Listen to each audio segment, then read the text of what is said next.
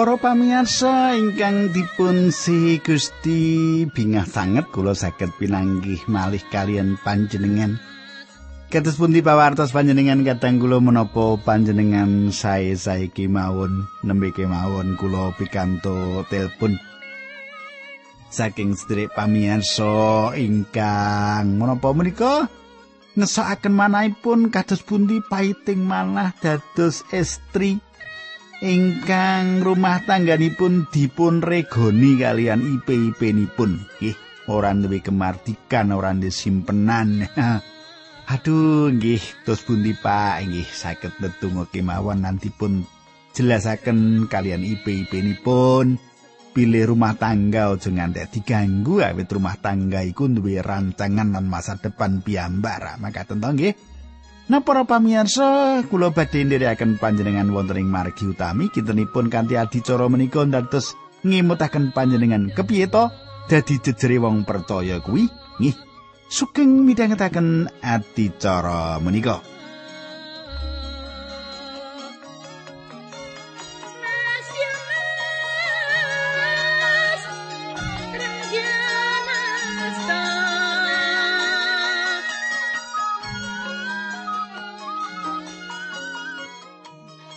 Para pamirsa kepengker kita sampun ngrampungaken nggih menika Ayub bab 9 ngantos sedasa nggih.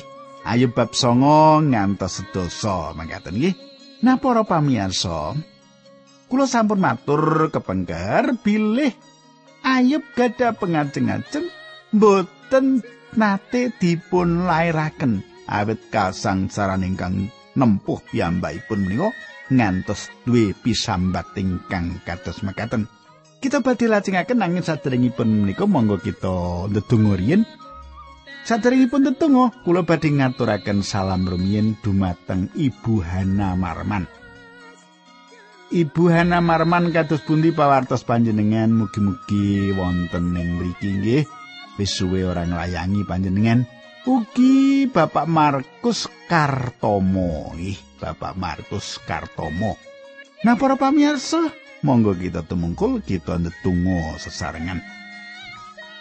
Kanyoro swarga kawula ngaturaken kuning panuwun menawi wekdal menika kawula saged patunggilan malih.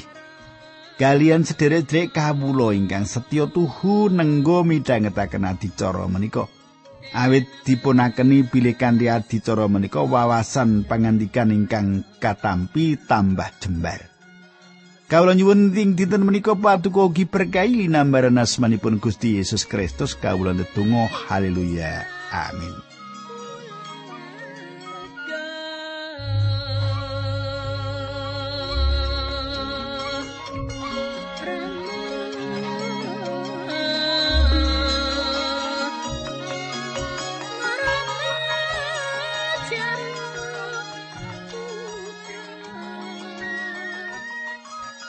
Para pamirsa ingkang kula tresnani.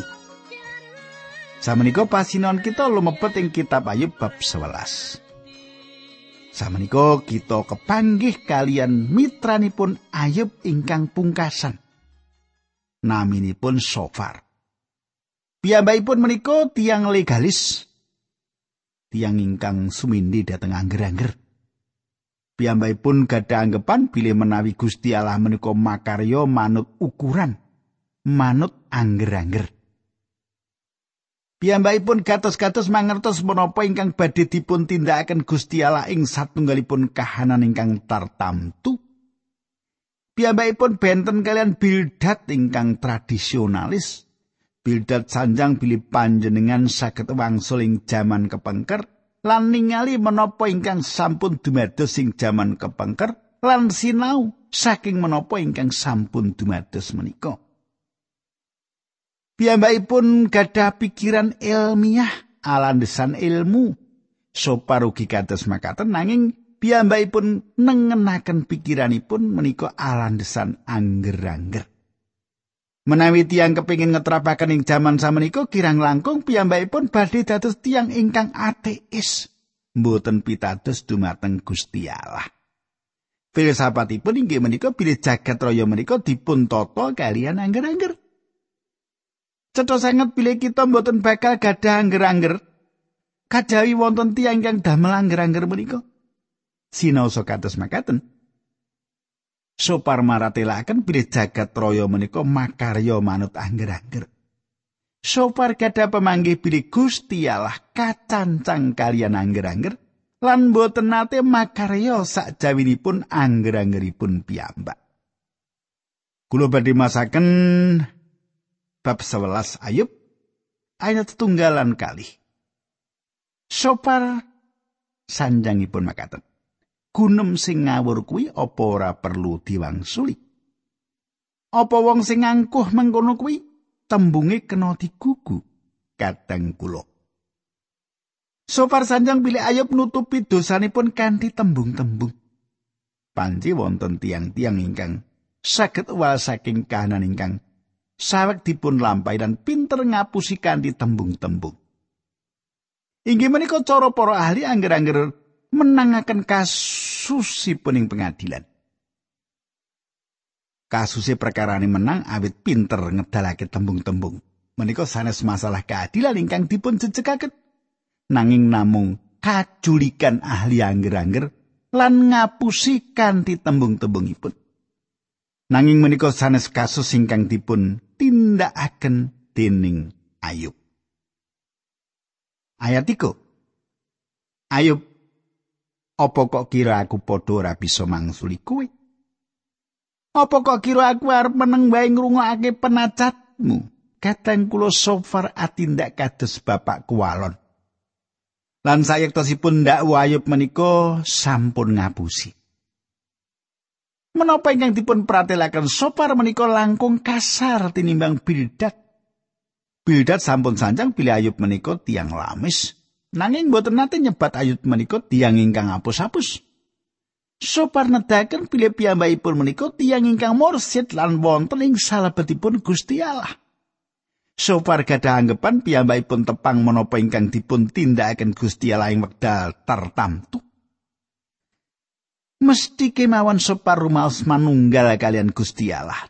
Sopar rumaos manunggal kalian Gusti Allah wonten pihakipun Allah. Dados sopan rumaos bili Ayub kedahipun mirengaken menapa ingkang dipun sanjangaken awit piyambakipun gadah tembung-tembung pungkasan lan meratelaken menawi menapa ingkang dipun sanjangaken menika pangandikanipun Gusti Allah. Para pamirsa kula lajengaken ayat sekawan ngantos 6 bab 11 kitab Ayub. Manut panemumu, tembungmu kuwi bener. Apa rumangsamu kowe kuwi wong resik ana ing ngarsane Allah?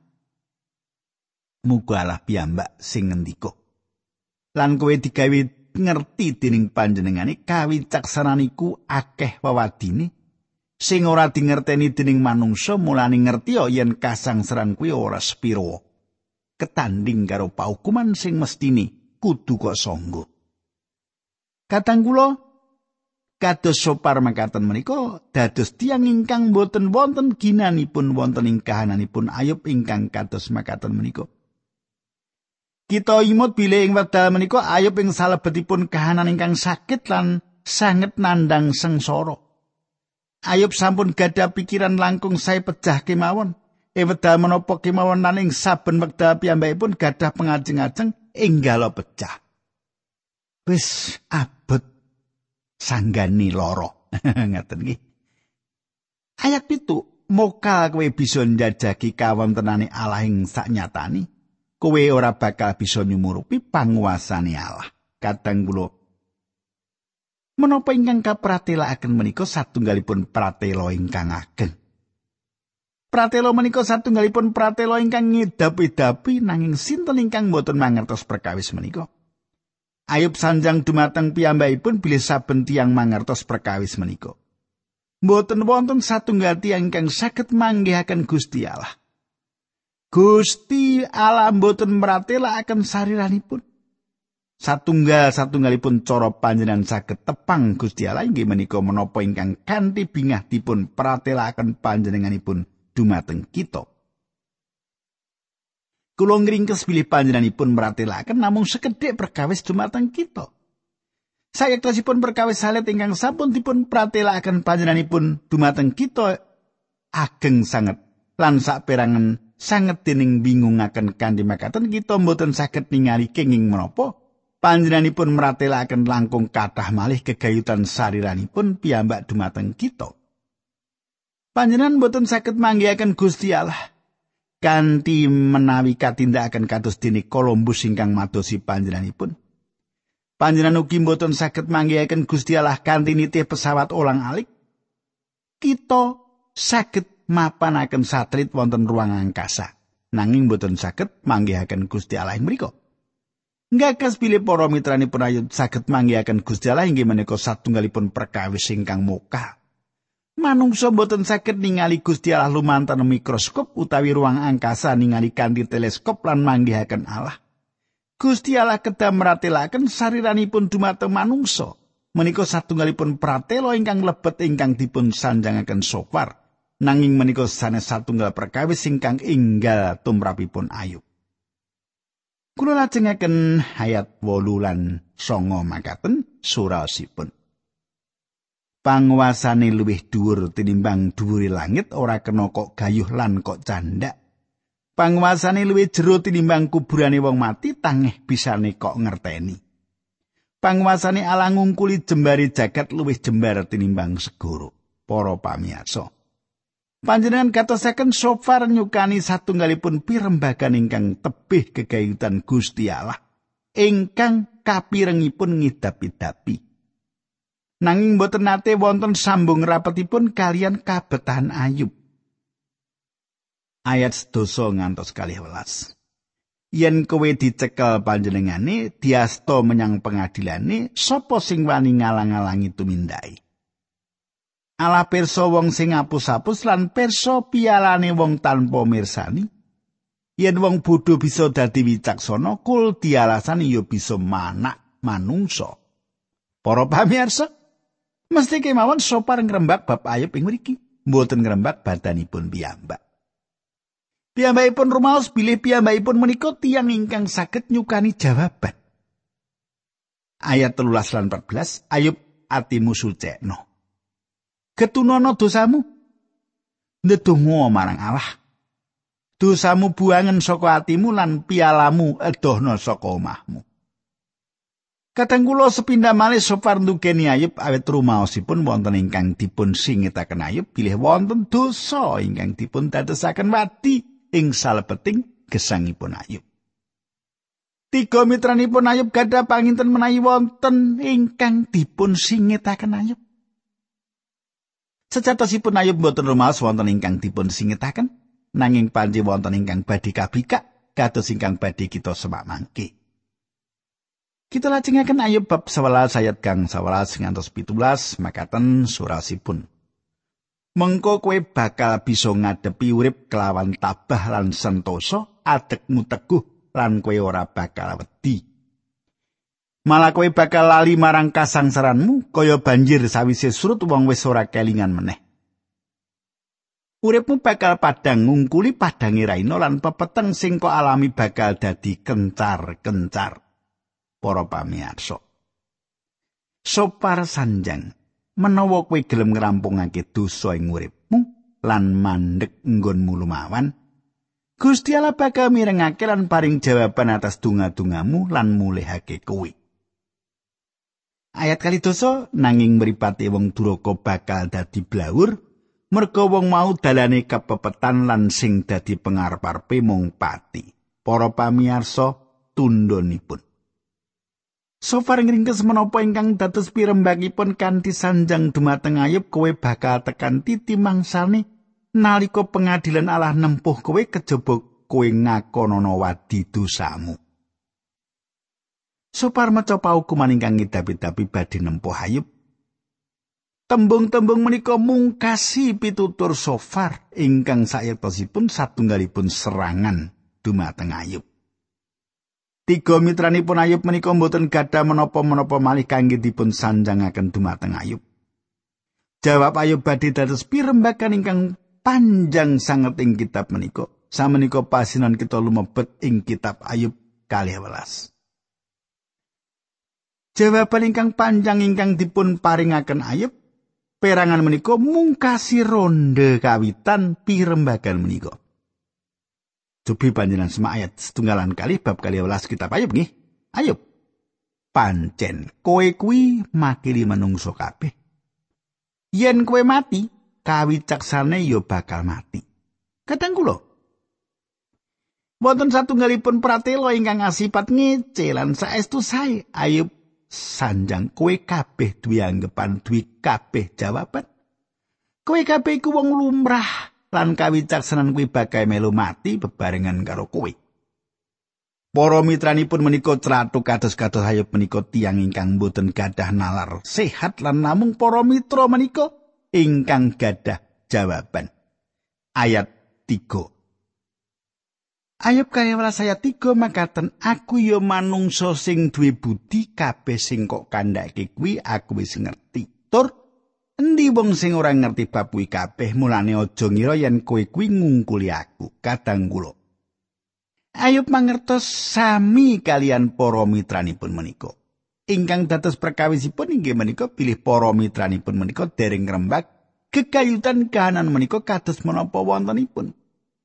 Wonten pirembagan-pirembagan ingkang penting ingkang badhe kula aturaken dumateng panjenengan kanthi makaten panjenengan saged ngemataken ingkang dipun tindakaken para mitranipun mboten kok nuntun ayub kangge nindakaken tetimbangan piyambak para mitranipun menika namung ngladosi lan ngadili Ayub. Kanthi tembung sanes para mitranipun menika nyerang Ayub ingkang dados jalaran Ayub mila badanipun piyambak. Para mitranipun boten nepangaken Gusti Allah ing salebetipun pirembagan menika. Para mitranipun boten ngrembak bab Gusti Allah ingkang kebak welas asih lan Gusti Allah ingkang kebak sih rahmat. Nanging dumateng Gusti Allah ingkang cemawis badhe paring paukuman. Sinaosa panjenenganipun Gusti Allah ingkang cemawis paring paukuman, panjenenganipun ugi Gusti Allah ingkang kebak welas asih lan kebak sih rahmat. Kadang kula para mitra nuntun lebeting pengalaman lan legalitas urip alandesan angger-angger nanging para mitra kala mboten nuntun dhateng kayektosan Emedal para mitra meto pandhawa ingkang kinantinan bukti dumateng Ayub perkawis menika dados jalaran Ayub mbela badanipun piyambak lan meratelaken bilih piyambakipun menika leres. Ing wekdal Ayub wiwit ngleresaken badanipun piyambak, Ayub mboten nganggep leres Gusti Allah. Ngantos wedal menika ketingalipun kados-kados Ayub sanjang bilih Gusti Allah menika lepat lan bilih Gusti Allah kemawon ingkang pantes dipun kritik. Inggih kados makaten menika kathah tiang ing jaman samenika. lan malah kathah tiang Kristen ugi gadah patrap ingkang kados makaten. Para mitranipun kedahipun nuntun ayub kangge ngipati-pati badan piyambak lan beneraken Gusti Allah. Gusti Allah sampun nyerat sedaya pirembagan menika ing salebetipun pangandikan panjenenganipun kangge meratelaken kayektosan menika. Kadang kula menapa ingkang dipun lairaken ayub badhe mbuktekaken ngantos dumugi pundi rohipun sampun nglampahi karisaan lan gadah watak andhap asor akibat saking anggenipun wonten ing ngarsanipun Gusti Allah. Para mitranipun ayub nate nuntun kados ingkang dipun sanjangaken Paulus nanging mergo sih rahmati Gusti Allah sing makarya ana ing aku. Para pamirsa kathah tiang Kristen jaman samenika ingkang mbombongaken badanipun lan menapa ingkang sampun dipun tindakaken lan sepinten kathahipun anggenipun ngaturaken pisungsung. Kilo pisungsungku 50 yuta. gitu. Ketinggalipun kados-kados Gusti Allah namung tukang nampilan tiang-tiang menika ingkang ngatur paweweh. Ketinggalipun kados-kados tiang-tiang menika lan sanes Gusti Allah ingkang moho sedayanipun. Kita mboten nyeksekaken kanthi leres kangge Gusti Allah kajawi panjenengan kula manggen dados tiang ingkang dipun ipati-pati lan Gusti Allah menika yektos lan Gusti Allah kedah dipun mulyakaken lan dipun luhuraken. Menapa ingkang kula aturaken menika dados dawuh ingkang ngedapi-dapi ing salebetipun kitab menika. Ayat sekawan lan gangsal. Aku digeguyu dening kanca lan mitraku, mongko sejatine aku sing bener lan tanpa cacat. Biyen alami asake pandung aku semonso aku sesambat nyuwun pitulungane. Kowe ngino marang aku sebab uripmu kepenak wong sing kepleset malah kok gebuk kadang kula. Ayo pinggih menika tiang ingkang sakit awrat. Nanging piyambakipun wantun ngadepi tiang tiga menika. Piyambakipun sanjang. Kowe kabeh ana ing kahanan kang nyenengake lan kowe kabeh bisa mituturi aku.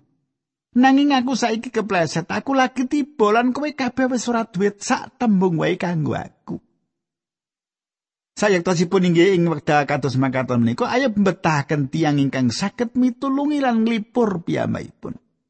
Ing salebetipun pasal menika ayub nglajengaken kanthi sanjang bilih para mitranipun boten gadah kawicaksanan kados makaten. Tiang-tiang menika sanes satunggal tunggalipun ingkang tepang Gusti Allah. Ayo mugi mangertos panguasipun Gusti Allah ing salebetipun ngrampungaken perkawis manungsa.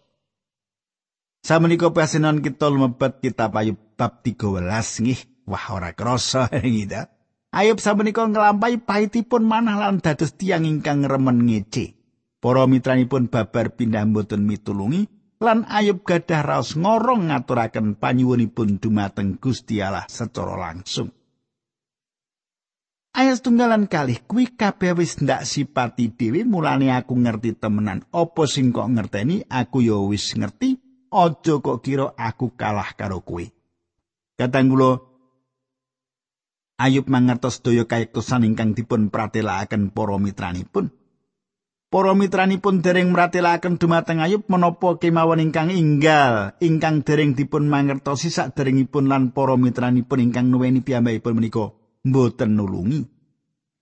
Ayat 3 Nanging aku arep matur marang Kang Maha Kuwasa, aku kepengin bela perkaramu ing ngarsane. Para pamirsa panjenengan gatosaken Ayub gadah kekajengan nyuwun dumateng Gusti Allah. Piyambakipun gadah kekajengan ngaturaken sedaya perkawisipun dumateng Allah.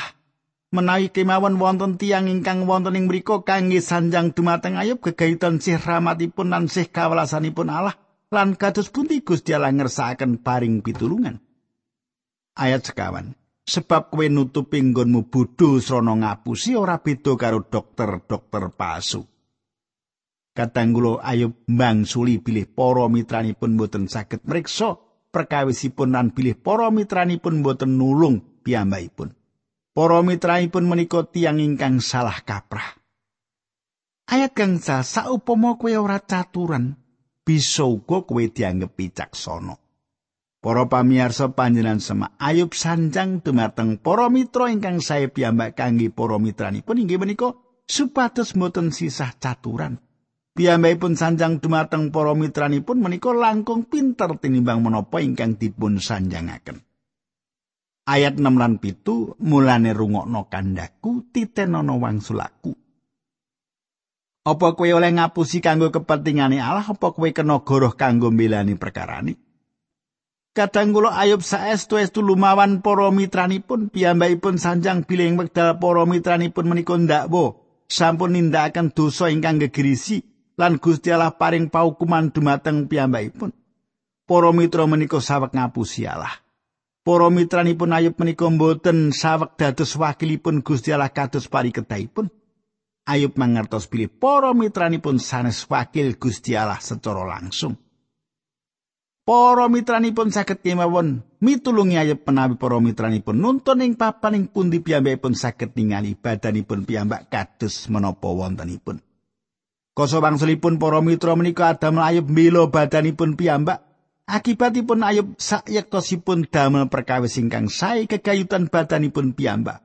Sedayanipun menika damel gambaran Gusti Allah menika awon. Kados-kados Gusti Allah piyambak ingkang kedah dipun lepataken. Para pamirsa kula sikek semanten rumiyin pepanggihan kula lan panjenengan diterusake dina candhake.